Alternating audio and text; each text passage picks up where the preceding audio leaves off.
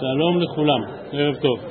אנחנו התחלנו אתמול את הפרק השישי, וכמו שהזכרתי, הסוגיות הללו אה, עוסקות בהרבה מאוד עניינים של ריאליה, כאשר אדם אמר איזושהי מילה, למה הוא התכוון, הדבר הזה נידון בדרך כלל לפי דרך העולם, וכבר הספקנו אתמול לראות את העניין הראשון של מי שאמר קונם תבשיל עליי, אה, או קונם תבשיל שאני תואם, אז המשנה מבחינה בין אה, תבשיל עבה לבין תבשיל רך, כלומר בין תבשיל נוזלי לבין תבשיל מוצק, ואמת המידה שקבעה הגמרא זה האם את הדבר הזה אוכלים עם לחם או לא אוכלים עם לחם. כדי להוכיח את ההבחנה הזאת, ציטטה הגמרא כאן את הברייתא, הנודר מן התבשיל אסור בכל מיני תבשיל, ואסור באטריות רכות שהחולים אוכלים בהם פיתם. אז הזכרתי שהאטריות זה לא בדיוק האטריות שלנו, אלא איזשהו תבשיל שכמו שנראה מיד בגמרא עשוי אה, מירקות, מדלעת, איזה משהו כמו פשטידלת דלעת או משהו כזה, אבל הרעיון הוא שהמרקם שלו הוא מאוד רך, כך שחולים יכולים ממש לאכול את זה עם לחם, לנגב את הלחם בתוך המאכל הזה.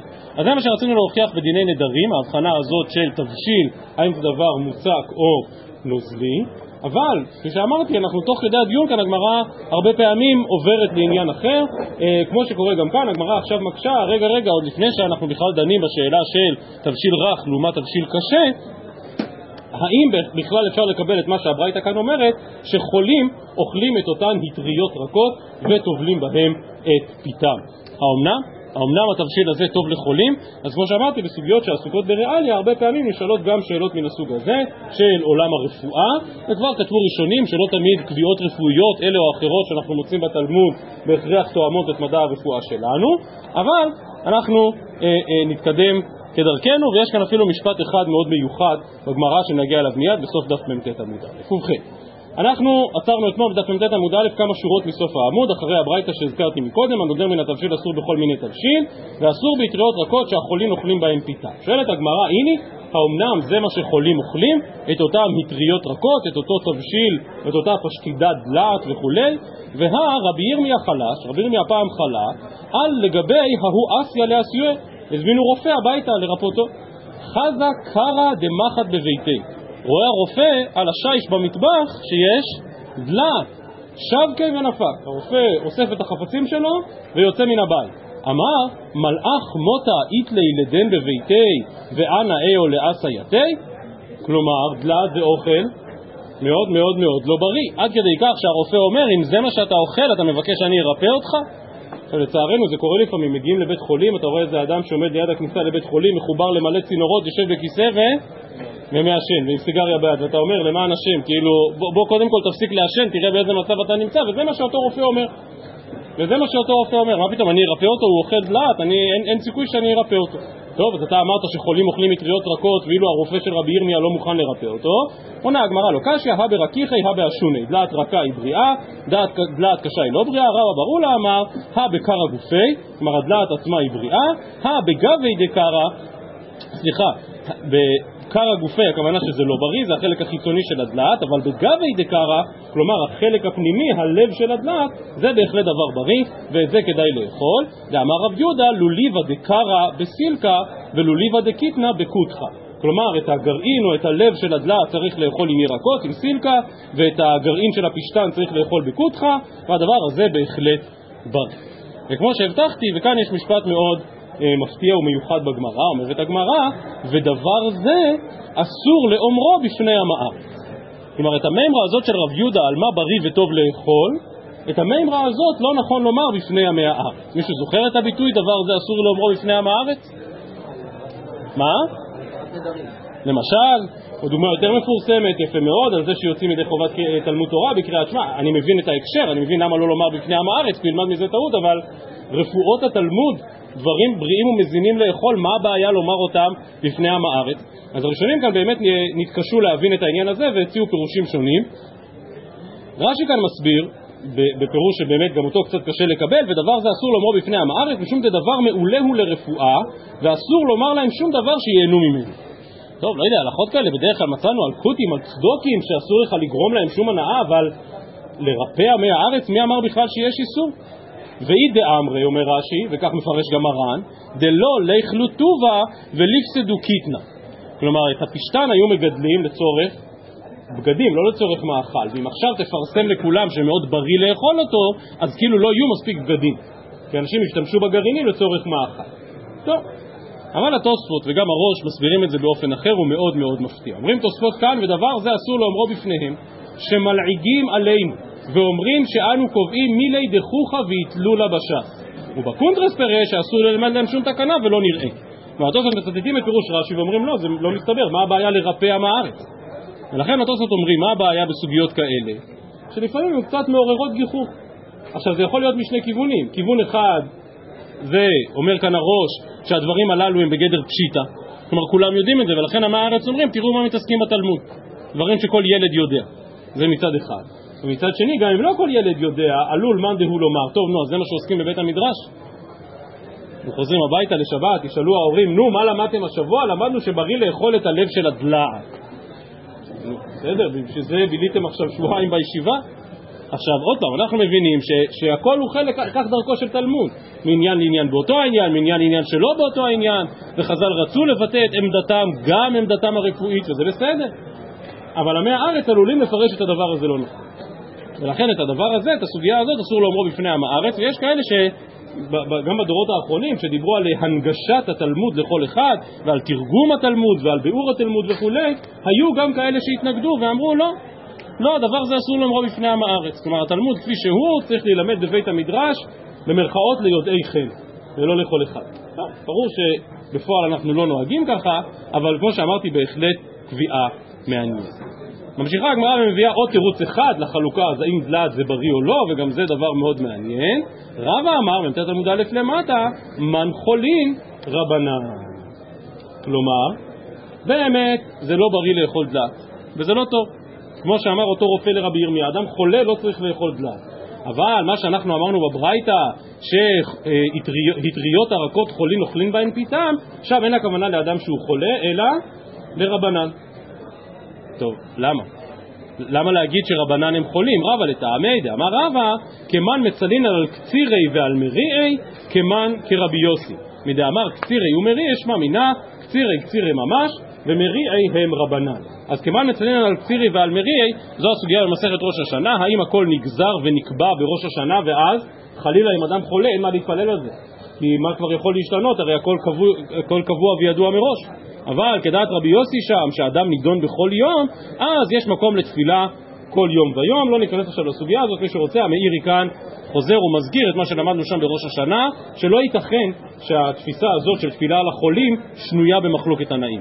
כלומר, גם החכמים החולקים על רבי יוסי, ואומרים שאדם נידון בראש השנה, ברור שיש עוד מקום לתיקון ולשיפור ולקרוא את גזר הדין וכולי וכולי. טוב, אז זו הסוגיה שקשורה שם לראש השנה, וכשלמדנו ראש השנה דיברנו על זה, אני לא רוצה לחזור לזה כאן. לענייננו הגמרא רק מצטטת את אותו ביטוי כמן נצנינן על קצירי ועל מריעי, כדי ללמד שקצירי הכוונה קצירי ממש, כלומר חולים בארמית, אבל מריעי הכוונה רבנן. ועדיין לא מוסבר, אז למה באמת תלמידי חכמים הם חולים? אז מסביר הרמק"ם בדף מ"ט עמוד א' למטה, אלא מן חולין רבנן, ואפילו בבריאותן הן תשושי כוח, מפני שהתורה מטשת כוחם. או בלשונו של המאירי, פירוש קצירי הם חולים המוטלים על ארסותיהם, ומריעי רבנן שהם חלושים ותשושי כוח שאכילתם ושנתם מעוטה ועמלם מרובה. טוב, הלוואי, אז זה צריך להיות האתגר של היושבים כאן סביב השולחן. לאכול מעט, לישון מעט, לעמול הרבה, והדבר הזה מטבע העולם באמת מחליש את הגוף. עכשיו דיברנו לא כל כך מזמן על כך שנביא צריך להיות לא רק ענב ולא רק חכם אלא גם גיבור ועשיר כדי שיהיו דבריו נשמעים ומפורש כאן בגמרא שלפחות לגבי תלמידי חכמים באמת אין דרישה כזאת. תלמיד חכם לא צריך להיות גיבור וחזק ושוב, כמובן בלי להזכיר שמות, אבל ראינו דברים כאלה במשך השנים שאנשים שהם ראשם ורובם בתורה, ואתה באמת מרגיש שהם קצת שבר כלי, כאילו שאנשים מאוד מאוד חלושים כאלה, תמיד קר להם, תמיד, וכאילו, אתה רואה דבר כזה, גם אצל גדולים שבגדולים. וכנראה באמת יש משהו באותו תלמוד תורה שמתיש את כוחו של אדם. אז מתי באמת מתפללים על קצירי ועל מירי? אומר המפרש כאן בדף מ"ט עמוד ב', מצללים לנו על קצירי בברכת רופא חולי עמו ישראל, ועל מירי כשאנחנו מתפללים על פליטת סופריהם, ברכת על הצדיקים, אז אנחנו באמת מתפללים לקיים בנו חכמי ישראל, גם אלה שהם יותר חלושים, גם אלה שוודאי לא עונים לקריטריון של הנבואה, של גיבור ועשיר וכולי, אבל תלמידי חכמים לפעמים מצויה החולשה הזאת, ולכן הם גם אוכלים את אותן פטריות הרבה. יפה. אנחנו ממשיכים, עד כאן קושייה ראשונה על הברייתא, אבל היא קושייה שלא נוגעת לנושא של הברייתא, לענייני נדרים, אלא רק לשאלה האם באמת חולים אוכלים את אותן אטריות הרכות, ומכאן לעצם החידוש שהיה בגמרא, כאמור, הגמרא הסבירה שמה ההבדל בין תבשיל רך לעבה, שתבשיל רך אוכלים עם לחם, ותבשיל עבה לא אוכלים עם לחם. אז זה אומרת הגמרא עכשיו, דף מ"ט עמוד ב' למעלה, מתניתין דלא כבבלי, דאמר רבי זיירא, וזה אנחנו זוכרים מהסוגיה בברכות, בבלי טיפשי, דאכלי לחמה בלחמה. כלומר, אם אמת המידה שלך היא האם אוכלים את זה עם לחם, אז בבבל אוכלים כל דבר עם לחם. גם תבשילים מוצקים, כמו אורז, נתתי דוגמה אתמול, גם את זה בבבל אוכלים עם לחם. אוכלים נהמה בנהמה. ולכן פה החלוקה של משנתנו של תבשיל רך ועבה לא מתאימה לאותו מנהג של בבלי. אמר רב חיסדא, דמשאי להון להליין נקדני דהוצל, יש כאן גרסאות אחרות במילה נקדני, לא נקדני אלא נקרני, אבל הכוונה היא כוונה אחת, וזה שבהוצל היו אנשים אניני טעם. היו שם אנשים שאם אתה רוצה לשאול איזו שאלה עמוקה בדיני תבשילים ובסדרי מאכלים, אתה צריך לפנות להוצל, גם כאן לא רוצה לתת דוגמאות מהעולם שלנו, תנסו לחשוב, אנשים שבאמת ראשם ורובם בעניין הזה. ובכן, באתי ושאלתי אותם, הדין דייסה, היכין מעלה למיכלה, דחיתי בלחמה דחיתי ודסערי בלחמה דסערי, או דילמה דחיתי בדסערי ודסערי בדחיתי. כלומר, אותם בבלי טיפשי שאוכלים נהמה בנהמה, שאוכלים אפילו את הדייסה שעשויה מדגן, גם אותה אוכלים עם לחם, אז תגידו, מה הולך יותר טוב? לחם חיטים עם דייסת חיטים ולחם שעורים עם דייסת שעורים או הפוך? הגמרא לא עונה, אבל רק אומרת שרבה אכלי בחסיסי. וזה כשלעצמו מחלוקת בין הראשונים, האם חסיסי זה אה, מה שעשוי מדגן השעורים, אם ככה הוא פושט שעדיף לאכול בשעורים, או שבכלל חסיסי זה עשוי מעדשים, ואז זה לא קשור לשאלה שנשאלה.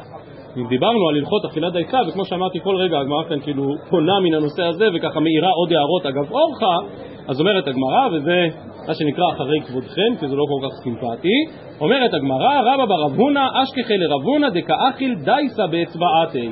הוא לא היה אוכל נעמה בנעמה, אלא את הדריסה, הכי טעים זה לאכול עם האצבעות, כן, יש עוגה עם קצפת, הכי טעים זה עם האצבע. אמר לי, המייקה אכיל מר בידי, תגיד, אמא שלך לא לימדה אותך להשתמש בסכין ומזלג, למה אתה אוכל עם הידיים?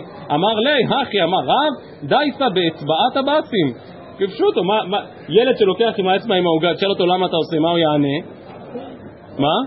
לא כי זה טעים, לא כי זה בא לי, אלא כי זה הכי טעים, כאילו זה יותר טעים ככה, זה חלק מהארומה, זה חלק מהמרקם. דייסה באצבעתי באסם, בכל זאת כן בטרן ובכל כן בתלה. מצד זה עם שתי אצבעות, אפילו עם שלוש אצבעות, אז הארומה אפילו הייתה יותר משמעותית. אמר לרב לחי אברי, וכן אמר לרב הונא לרב ברי, לרב אברי, מזמנים לך למיכל דייסה עד פרסה, למיכל ביסרא דתורא עד תלת הפרסים. ואני חושב שהממרה הזאת מבטאת את הקושי שלנו בלימוד הסוגיות הללו, כי המפרש כאן מציע שני פירושים הפוכים בדיוק. כלומר, לפי הפירוש הראשון, הוא אומר, אלה מאכלים לא טובים. דייסה, ביסרא דתורא, אלה מאכלים לא טובים, הם לא משביעים. כלומר, אכלת ביסרא דתורא, תוך שעה, תוך מהלך פרסה תהיה רעב שוב. או אכלת דייסה, תוך אה, מהלך פרסה כבר תהיה רעב שוב. כלומר, תחפש מאכלים יותר מזינים שישביעו אותך לזמן יותר ממושך. ולא אה, מאכלים כאלה, אבל המפרש אחר כך מביא פירוש בדיוק הפוך שאומר אדרבה, דייסה זה כזה מאכל משובח, שווה לך ללכת אפילו פרסה כדי לקבל, זה ביסרא דתורא בכלל, שווה לך ללכת אפילו שלוש פרסאות כדי לאכול את המאכלים הללו. אמר לרב לחי אברי וכן אמר לרב הונא לרב אברי כל מידעם לא תפלוט קמי רבה זה לא יפה לירוק או להוציא משהו מהפה בפני אדם אה, גדול. לבר מן קרא ודייסה, כלומר אם אכלת דלת או אכלת דייסה ואתה מרגיש איזושהי תופעה, מה שקורה היום ריפלוקס, כלומר שמשהו כאילו קצת עולה למעלה, זה סוג של צרבת כזאת, שהם דומים, אה, ואם אתה מרגיש שזה עולה החוצה, אז אתה חייב לירוק את זה, אסור לבלוע את זה, למה? שהם דומים לפתילתא של עבר, כלומר לפתילה של עופרת, ואפילו קמי שבור מנקה, אפילו לפי המלך, גם כן מותר לך לירוק ולהוציא את זה החוצה, כי מאוד לא בריא לבלוע את זה שוב. נחזור לדייסה עם האצבעות, ראיתי שהשתעשעתי מהדבר הזה. רבי יוסי ורבי יהודה חל אחי דייסה באצבעתי וחד אחי בהוצה. כלומר הצד השווה לשניהם זה שאין אין, אין, אין כפית או כף. אז אחד אכל עם האצבעות והשני לקח איזה ענף ועם הענף אכל את הדייסה. אמר לי דאכיל בהוצה לדאכיל באצבעתי עד מתי אתה מאכילני צועתך? זה מגעיל, זה לא אסתטי, כאילו הידיים לא תמיד נקיות ואתה מכניס את הידיים שלך לתוך הקערה המרכזית, לא מתאים. אמר לי, דאכיל בהצבעתי לדאכיל בהוצא, עד מתי אתה מאכילני רוקחה? כי ההבנה הייתה שאם הוא אוכל עם האצבעות הוא לפחות, לפחות מנגב את האצבע כל פעם לפני שהוא מכניס את זה לצלחת המרכזית, אבל אותו אחד שאוכל עם ההוצא, ממש מהפה שלו מכניס את זה לשם, ולכן זה, אה, ולכן זה לא נעים ולא מכובד. טוב, כמו שאמרתי, לא כל הדברים האלה אנחנו מבינים. ממשיכה הגמרא, רבי יהודה ורבי שמעון הייתו לקמיו בלוס פיין, שזה סוג של תאנים, וגם כאן מחלוקת בין הראשונים אם זה תאנים בשלות יותר מדי, או הפוך, תאנים של בוסר. רבי יהודה אכל ורבי שמעון לא אכל. אמר לרבי יהודה, מה הייתה אמר לו אכיל מר? למה אתה לא אוכל? אמר לרבי שמעון, אלו אין יוצאים מבני מעיים כל עיקר. הם גורמים לאיזושהי עצירות חמורה, ולכן זה דבר שאנחנו לא אוכלים. אמר לרבי יהודה, כל שכן שנסמוך עליהם למחר. מה אדרבה, מאכלים כאלה הם טובים, זה מאכלים שכאילו מחזיקים הרבה זמן בגוף, יוצרים תחושת שובע לאורך זמן, להבדיל, אה, אה, לוחמים ביחידות מובחרות שיוצאים למבצעים ארוכים, שלא יוכלו להתפנות, אז באמת משתמשים באופן מלאכותי בתרופות ש, שזו בדיוק המטרה שלהם, שהאדם יוכל להחזיק את, עצמו, להחזיק את עצמו הרבה זמן, כי הוא לא יוכל להתפנות, ולכן רבי שמעון חשש מזה, אבל רבי יהודה דווקא ראה בזה דבר חיובי. ממשיכה הגמרא בענייני מאכלים, אבל עכשיו אנחנו מתחילים לעבור לחלק האגדתא שבסוגיה, כאמור מתוך דיני המאכלים נבוא גם לעניינים שקשורים אה, לנושאים יותר, הייתי אומר, רוחניים ורעיוניים. רבי יהודה הווה יתיב קמי דרבי טרפון. אמר לרבי טרפון, היום פניך צהובים, כלומר פניך מאירים, פניך יפות. אמר לי, אמש יצאו עבדיך לשדה, והביאו לנו טרדים, ואכלנום בלא מלח. ואם אכלנום במלח, כל שכן שהיו פנינו צהובים. אני חושב שהיום קצת ירדה קרנו של הטרד, אבל בימי קדם זה היה נחשב לדבר הכי בריא שיכול להיות, אה, ולכן הוא אומר, בזכות זה שאכלתי טרד, אז פניי מאירים. טוב, אז זה הסבר אחד, והוא קשור בדיוק למה שדיברנו על מאכלים בריאים ולא בריאים. אבל, אמרה ההיא מטרוניתא לרבי יהודה, כלומר פעם גם אישה אחת שאינה יהודייה הבחינה ברבי יהודה שפניו מאירות, ואמרה לי מורה ורבי, רבי מלשון, למען שפות ערבה את הצמאה, אתה נראה שתוי, עוד פעם, הפנים שלך כל כך קורנות, זה נראה ששתית יותר מדי, ולכן נתמהה עליו. מורה ורבי, כלומר מורה הוראה ששותה הרבה יין, אמר לה, הימנותא בידא דאי איתתא, כלומר אני ממש נשבע לך, יטעימנה אם אני שתיתי אפילו טיפת יין, אלא קידושה והבדלתא וארבע קסא דפיסחא. כלומר אני מעבר לקידוש הבדלה וארבע כוסות בליל הסדר לא שותה אפילו טיפה אחת של יין וגם זה קשה לי וחוגרני צדעי מן הפסח עד עצרת מיד נסביר אלא חוכמת אדם תאיר פניו ומעניין שלרבי טרפון רבי יהודה עונה כן אכלתי טרף ואילו לאותה מטרוניתא הוא מסביר שחוכמת אדם תאיר פניו הוא מסביר בשיטה מקובצת כאן על העניין הזה של חוכמת אדם תאיר פניו לפי שהתורה מחמם טבעו והחמימות נראה בפנים יותר. זה דבר מאוד יפה אני חושב, שיש איזושהי חמימות טבעית באדם ש... שהתורה מבטאת אותה.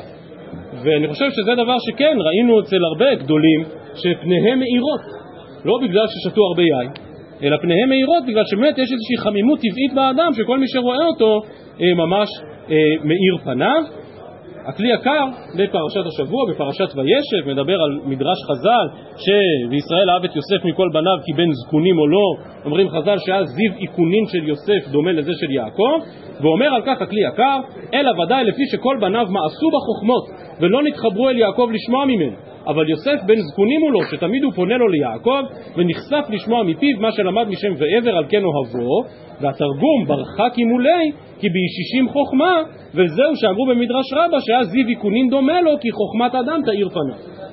כלומר, מה שיוסף קיבל זה את הרצון הזה ללמוד תורה, ובגלל שפניו של יוסף פנו כל הזמן כלפי פני יעקב במסגרת הרצון לקנות תורה ולקנות חוכמה, אזי היה זיו איכונין של יוסף דומה לזה של יעקב, במובן זה של חוכמת אדם תאיר פניו.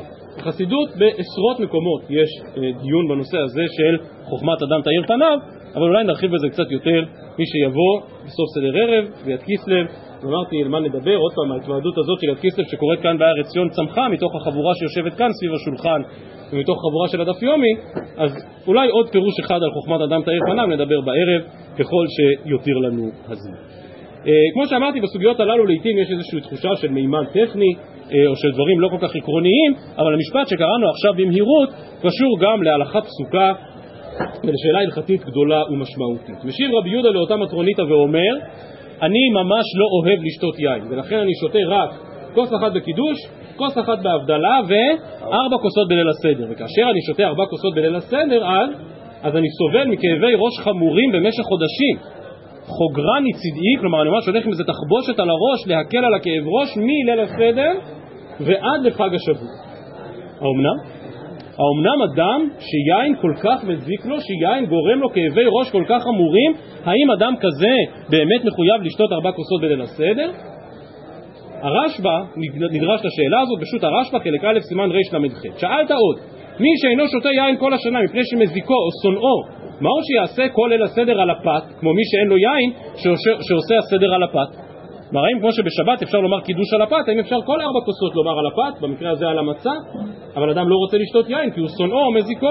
משיב הרשב"א תשובה, מסתברא שכל שיש לו יין צריך לדחוק את עצמו ולשתות כדאבד רבי יהודה ברבי אילאי שהיה חוגרן הצידי מפסחא ועד עצרתא כלומר אומר הרשב"א מהסוגיה שלנו למדנו הלכה פסוקה שכן גם מי שהיין ממש ממש פוגע בו ומזיק לו גם אדם כזה מחויב לשתות ארבע כוסות בליל הסדר. וכך באמת פוסק מרן המחבר בהלכות פסח סימן תע"ב מי שאינו שותה יין מפני שמזיקו או שונאו צריך לדחוק עצמו ולשתות לקיים מצוות ארבע כוסות. אכן צריך להתאמץ בבחרותי מאוד אהבתי ללכת במוצאי שבתות לשמוע את שיעוריו של הרב עובדיה יוסף זצ"ל בבית כנסת היסדים. אחר כך בשנים מאוחרות זה עבר לבית הכנסת שמתחת לבית שלו בהר נוף אבל אני הייתי הולך שנים לבית הכנסת היזדים ושנה אחת לפני פסח הרב הזכיר את ההלכה הזאת ואז מישהו מהקהל התפרץ ואמר כבוד הרב אדם שיש לו סכרת לא יכול לשתות ארבע כוסות. והרב עובדיה דפק על השולחן ואמר ישתה ולא יקרה לו שום דבר. והוא עוד פעם צועק אבל הרב יש לו סכרת ולא בריא. והרב עובדיה דופק על השולחן ואומר ישתה ולא יקרה לו שום דבר זאת הייתה העוצמה של הרב עובדיה, וממש זה דבר שככה נחקק בזיכרוני, כפשט דברי כאן, שגם מי שלא אוהב יין חייב לשתות ארבע כוסות בליל הסדר. אבל המשנה ברורה שם בסימן תע"ב כותב כך מפני שמזיקו, רוצה לומר שמצטער בשתייתו וכואב בראשו מזה, אבל מוסיף המשנה ברורה ואומר, ואין בכלל זה כשיפול למשכב. הוא מסביר בשער הציון, כן נראה לי פשוט, ואין זה דרך חירות. כלומר המשנה ברורה ואומר, למרות תשובת הרשב"א, למרות פשט הסוגיה שלנו, למרות ההלכה המפורשת בשולחן ערוך, יש לחלק בין חוגרני צילעי, כלומר בין כאב ראש חזק, לבין מישהו שממש נופל למשכב כתוצאה מריבוי היין. ומי שנופל למשכב באמת לא חייב לשתות, שעל פניו אנחנו מאוד מזדהים עם זה, אבל מה הנימוק שהוא כותב בשער הציון? מפני שאין זה דרך חירות, אז מזה גם כן אפשר לדייק שמה?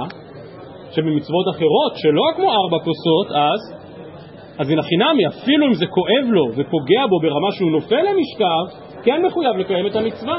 בארבע כוסות הוא לא חייב, כי אין בזה דרך חירות.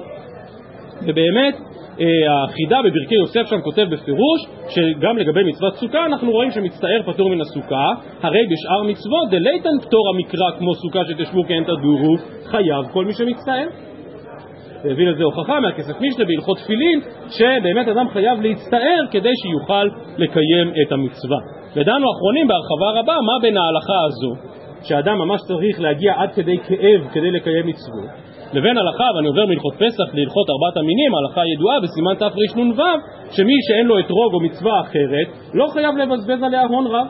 שאין מבזבזים הון רב על המצוות ולא יותר מחומש ממונו. ושאלו רבים, מה אתה מעדיף יותר, לבזבז הון רב או או לסבול כאבים גדולים. ואם אתה אומר שלא חייבים לבזבז כסף, אז איך אתה יכול להגיד שחייבים להגיע עד כדי צער? ובאמת מאוד מסתבר לחלק בין רמות שונות של צער, בדיוק כמו שאמר המשנה ברורה. למרות פשט תשובת הרשב"א ופשט השולחן ערוך, אבל אם זה מגיע עד כדי חולי של ממש, פה לא יהיה גר החולי של ממש שנפל מההלכה שאדם לא חייב לבזבז הון רב על המצוות. אז הסוגיה הזאת של הצער והטורח והמאמץ בקיום מצוות עשה היא באמת סוגיה גדולה ורחבה והזכרנו רק בקצרה מקצת מקורות שעוסקים בעניין הזה. אנחנו ממשיכים. ראינו שרבי טרפון שואל את רבי יהודה על הערת פניו, המטרונית השואלת אותו, וגם בפעם השלישית אמר לי, ההוא מינה לרבי יהודה, פניך דומים או כמלווי בריבית או כמקדלי חזירים. וזה אנשים שלמה פניהם מאירות כל הזמן? כי טוב להם. כי או שיש להם הרבה אוכל ובשר שמן, או שהם מרוויחים הרבה כסף כל הזמן. אמר לי, ביהודאיות רווי אסרינה. כלומר, אסור לנו גם חזיר וגם ריבית, אלא 24 בית הכיסא איתי מן ביתא עד בית מדרשה, וכל שעה ושעה אני נכנס לכל אחד ואחד. כלומר, אני שומר על אורח חיים בריא, שומר על, אה, אה, לא, לא בדיוק היגיינה, אלא באמת שומר על פעילות מעיים תקינה, ולכן הדבר הזה גורם לי להארת חיים. ממשיכה הגמרא ואומרת, ומעניין לעניין, ופה לא, לא לגמרי באותו העניין, עוברת הגמרא לאגדתות שקשורות לעניין הממון, לעניין הכסף. כנראה מתוך שדיברנו על רבי יהודה, שאומנם לא היה עשיר, אבל כן שמר על אורח חיים בריא, ובכלל כל הנושא הזה של מה אוכלים ולא אוכלים, עוברת הגמרא לסיפורים על עוני ועל עושר, כפי שנראה. רבי יהודה קדאזי לוי מדרשה, שקיל גולפה על כתפי. גולפה פירושו של דבר איזשהו קנקן או חבית. אמר, גדולה מלאכה שמכבדת את בעליה. יש מן המפרשים כאן רצו לומר שלא היו לו בגדים, הוא ממש כאילו היה מתעטף באיזשהו סוג של אה, חבית או, או כד, אבל זה לא כל כך מסתבר, ונראה יותר, כמו שפרשו כאן רוב הראשונים, שלא היו מספיק מקומות בבית המדרש. ומי שהיה בא, היה יושב על הרצפה, והוא לא רצה לשבת על הרצפה, כי זה לא נוח וזה מורכב, ולכן הוא היה מוכן ללכת בדרך להיראות כמו סבל, ובלבד שבבית המדרש יהיה לו מקום נוח לשבת. ולכן כאשר היה הולך לבית המדרש שקל גולפה על כתפי ואמר גדולה מלאכה שמכבדת את בעליה ואותו דבר רבי שמעון שקיל צנע היה לוקח איזה שק גדול על כתפי אמר גדולה מלאכה שמכבדת את בעליה. והביטוי הזה, גדולה מלאכה שמכבדת את בעליה, נזכר בלשון דומה, הגמרא בגיטין בדף ס"ז, גדולה מלאכה שמחממת את בעליה. ומסביר כאן המהרש"א שבאמת הייתי חושב שאסור לתלמיד חכם לעשות מלאכה בשוק ולהיראות כאיזשהו סבל שעובד ברחוב, כמשמע לן שהיות שהוא עושה את זה למטרה חשובה, אז גדולה מלאכה שמכבדת את בעליה. אבל רבים מן המפרשים באמת קישרו את הדבר הזה לצורך לעסוק במלאכה. המשנה הידועה במסכת אבות, אהוב את המלאכה, ושנא את הרבנות, והמהר"ל בביאורו דרך חיים על מסכת אבות, באמת מעריך בנקודה הזו עצמה, שאדם לא יכול לחשוב שמלאכה זה איזושהי פחיתות כבוד. אדרבה, גדולה מלאכה שמכבדת את בעליה, וגם אם אתה עובד קשה והולך ברחוב כמו סבל, אין בזה שום פחיתות כבוד, אדרבה, הדבר הזה ראוי ונכון ובהחלט הוא חיובי, והדבר קשור לפולמוס שהזכרנו לא מזמן, הפולמוס הגדול בין הרמב"ם לבין כל שאר העולם שלא קיבלו את עמדת הרמב"ם לגבי האם אפשר להתפרנס מדברי תורה והאם תלמיד חכם צריך שתהיה לו גם מלאכה אז הרמב"ם באמת מאוד התעקש שכן ותלמיד חכם חייב שתהיה לו מלאכה. אבל התשבץ בקונטרס המאוד מאוד ארוך שהוא כתב בשו"ת התשבץ תשובות ארוכות, סדרה של תשובות לחלוק על הרמב"ם מתמודד גם עם המשנה הזאת שאומרת אהוב את המלאכה ושנא את הרבנות כלומר מלאכה, אה, משנה שבהחלט משתלבת בגישתו של הרמב"ם, והביטוי הזה אני חושב גם הפך למטבע לשון, אהוב את המלאכה, שאדם באמת לא צריך לחשוש מעבודה קשה ומעמל ולדאוג לפרנסתו ולא להשליך יהבו על אחרים. והאמת היא שהדברים מפורשים כבר במחילתא. המחילתא דרשב"י בעשרת הדיברות, ששת ימים תעבוד ועשית כל מלאכתך ויום השביעי שבת, המחילתא מפרשת שששת ימים תעבוד זה ציווי כשלעצמו. רבי אומר, הרי זו גזירה אחרת, שכשם שנצטוו ישראל על מצוות עשה של שבת, כך נצטוו על המלאכה. אם כל השבוע אתה מתבטל, אז מה הערך של שבת? אלא אדרבה, דווקא אדם שששת ימים תעבוד, דווקא אדם שעובד ועובד קשה, דווקא הוא מבין את ערכה וסגולתה ותפקידה של השבת. שוב, היות שאנחנו עוסקים בענייני עוני ועושר, הנה אותם תלמידי חכמים שלא התביישו לקחת כד ברחוב כדי שיהיה להם איפה לשבת, עוברת הגמרא לעוד סיפור אחד שאני מודה ומתוודה שאין לי, לי פשט ברור. פה אני קצת מתקשה לשים את האצבע על מה, מה הרעיון המרכזי במעשה הבא. מספרת הגמרא, כלומר, יש נקודה אחת שהרבה מפרשים אה, הדגישו כאן, וזה העניין של הסתפקות במועה. זה ודאי משתמע מן הסיפור הזה, אבל שוב, אני לא בטוח שהדברים, לי לפחות, יתבררו עד הסוף. מספרת הגמרא דביתיו דרבי יהודה נפקת נקתת עמרא עבדה גלימה דהוטווה. כלומר פעם אחת יצא אישו לשוק, מצא איזושהי חתיכה של צמר, ומהחתיכת צמר הזאת הצליחה לתפור איזשהו מעיל. מעיל צמר. כדנפקת לשוקה מחסיה בי, וכדנפיק רבי יהודה לצלוי היה ומחסיה ומצעלי. שזה דבר מאוד מחודש גם מבחינה הלכתית, שכן, איזה בעיה הלכתית יכולה להיות פה? מה? לא ילבש. תחליט, זה מעיל של נשים או של גברים? אז כבר היום אפשר למצוא בחנויות מעילים שהם אה, דו-תכליתיים, אפשר להשתמש גם וגם. אז כבר המהרש"א כאן מעוררת שאלת, אה, שאלת לא ילבש, ואומר שכנראה זה היה כאן איזושהי צורה אה, ניטרלית במרכאות, כלומר זה לא מעיל מובהק של גברים ולא של נשים, ולכן היא הייתה לובשת את זה כשהיא יוצאת לשוק, והוא היה מתעטף בזה בתפילה. וכד מחסי בית, כאשר היה רבי יהודה לובש את אותו מעיל, הווה מברך, ברוך שעתני מעיל. כל כך אהב את המעיל הזה, כל כך שמח בו, שהיה אומר ברוך שעתני מעיל. טוב, ברור שאנחנו לא מכירים ברכה כזאת, ברוך שעתני מעיל, ודי ברור שהוא לא בירך את זה בשם ובמלכות, אבל השמחה הזאת, מה? מלביש ערומים.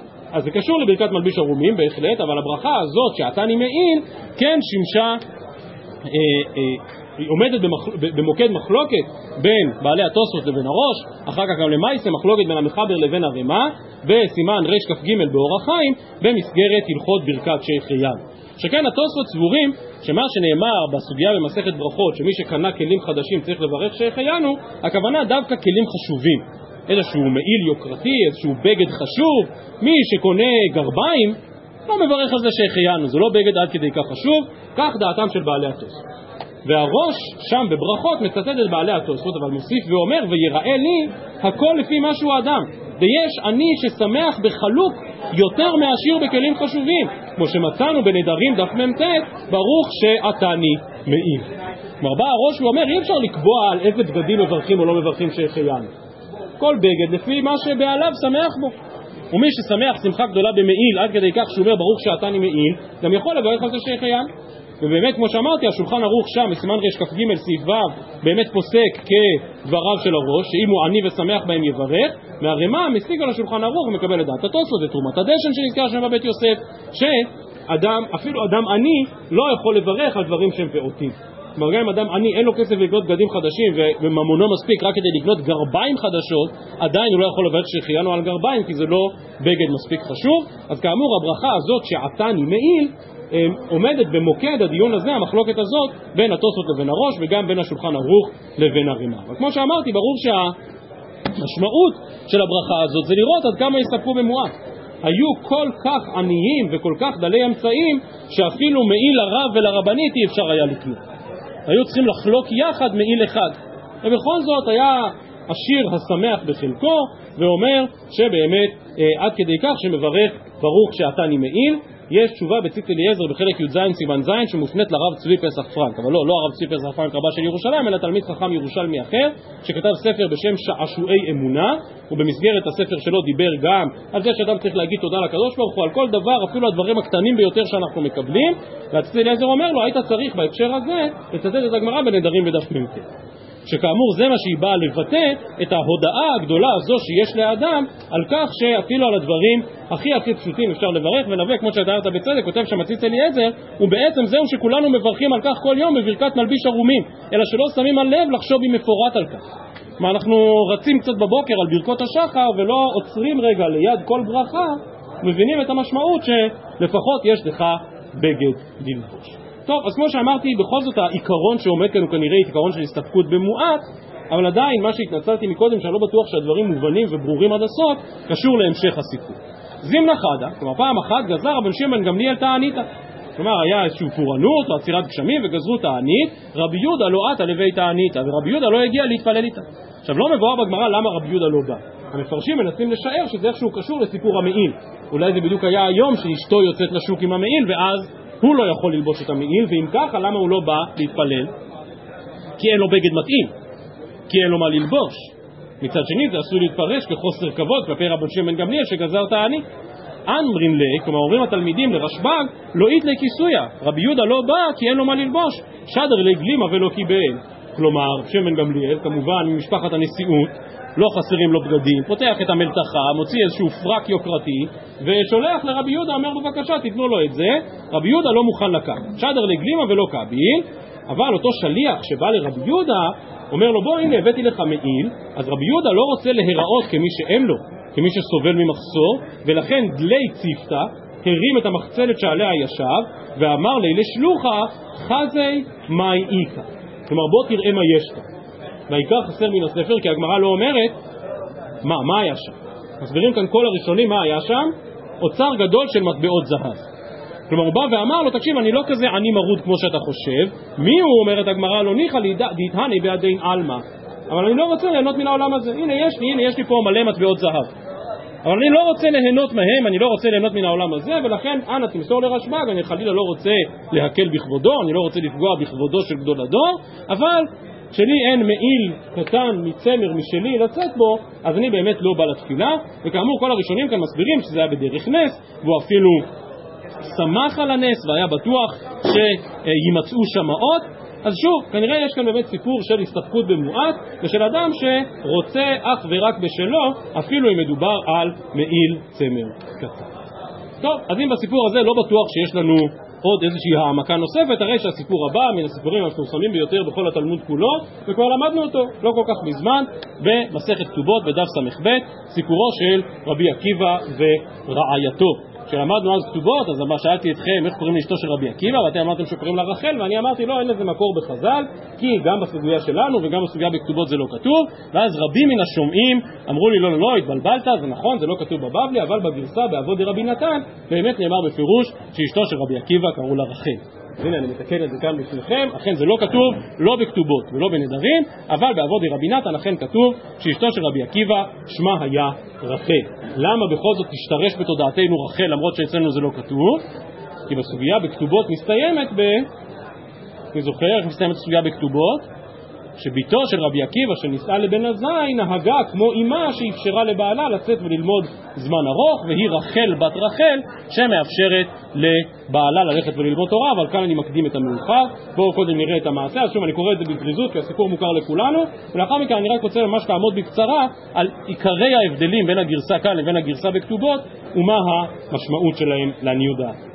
אז אומרת הגמרא נתנו עמוד א', רבי עקיבא יקת שדי ברייתא דקל בסבוע. שמע קל בסבוע אדרא הנאה מכל נכסי. אמר מה את הולכת עם איזה שלפר אחד והדיר אותה הנאה מכל נכסיו. אז לה והיא לי, לא חששה לאביה והלכה והתחתנה עם רבי עקיבא, בסיטבא, כלומר מחודשי החורף, הווה גנו ביתיבנה, שכבו בתוך התבן, הווה כמנקת ליתיבנה ממזיה, ממש היה צריך רבי עקיבא להוציא את התבן משערותיה של אשתו, שהיו כל כך עניים. אמר לה, אי אבייני, לו זכיתי, רמינה לך ירושלים דדאבה, הייתי קונה לך תכשיט של ירושלים של זהב, אבל אנחנו עניים מרודים.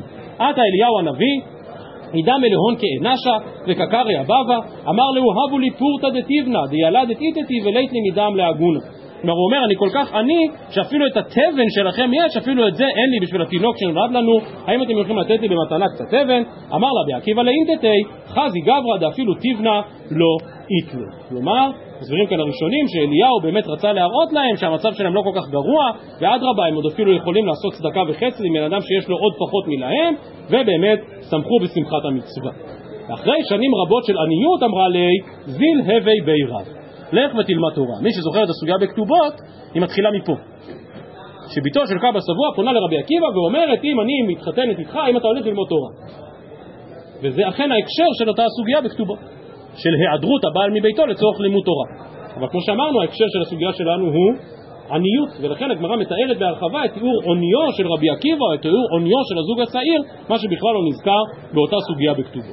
הולך ל-12 שנים, כמד רבי אליעזר ורבי יהושע, למי שלמת 11 שנים, בסוף 12 שנה קראת לביתי, שמע מן אחורי ביתי, דקאמר לך חד רשע לדביתיו, שפיר עבד לאבוך, חדא דלא דמי לך, ועוד שבקח ארמלות חיות כולון שני.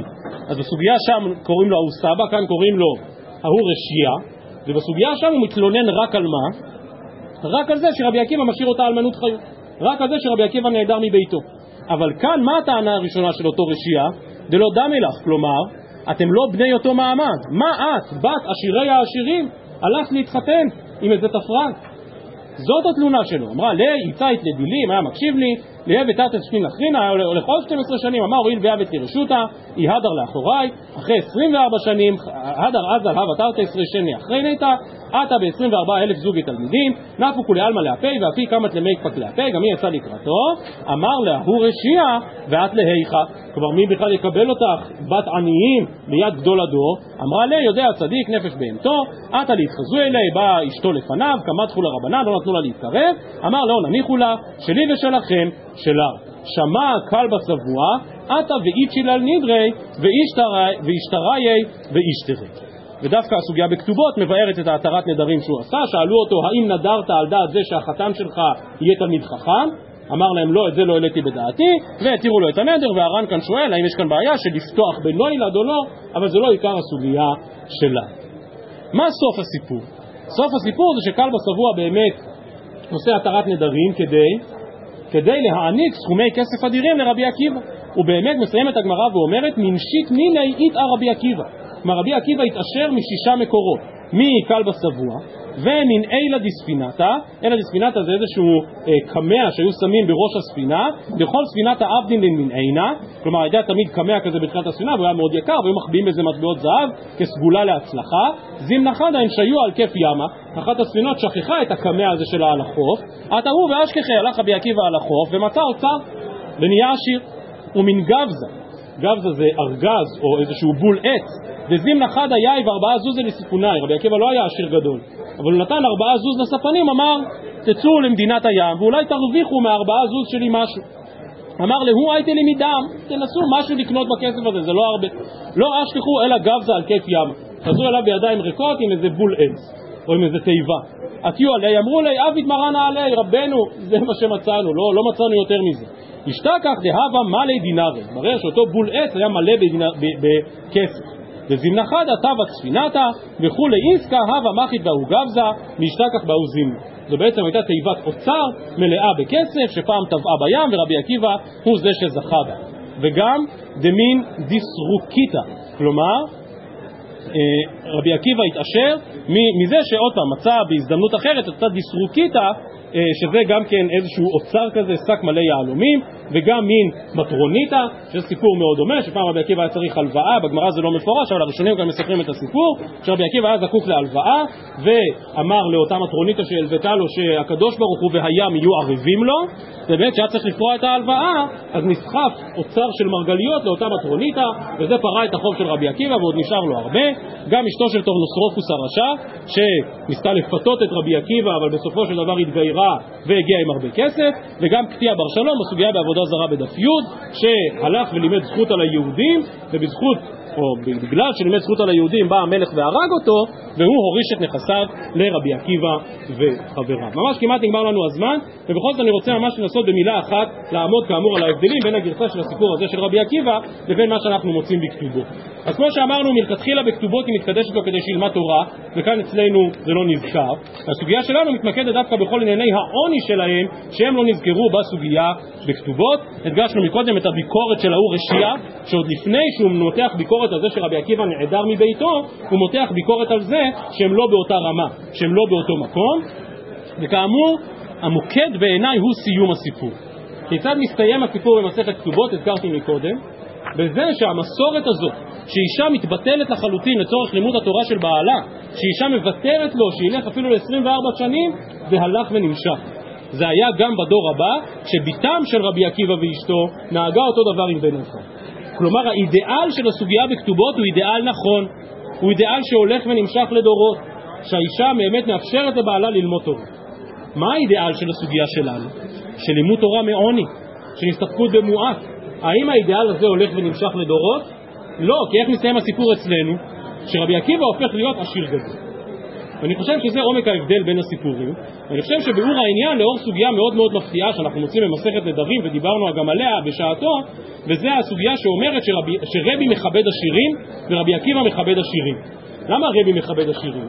כי רבי מבין את הכוח של כסף. רבי נולד במרכאות עם כפית של כסף בפה, רבי באמת בא ממשפחה מאוד מאוד עשירה, מאוד מבוססת, והוא יודע שהכסף הוא אמצעי לשליטה, להנהגה, להשפעה, אבל יש בכסף גם בחינה אחרת. כותב בעל פלא יועץ, כי ראוי והגון לכבד עשירים, שכן מצינו ברבנו הקדוש היה מכבד עשירים ועתה, מאחר שהמלך חפץ בעיקרו והשפיע עליו ממרום שפע ברכה. וזה בדיוק עושרו של רבי עקיבא. עושרו של רבי עקיבא בכל המקומות הוא לא, הוא לא בדרך הטבע. רבי עקיבא מוצא אוצרות. רבי עקיבא מגלה מטמונים. כך רבי עקיבא הופך להיות עשיר.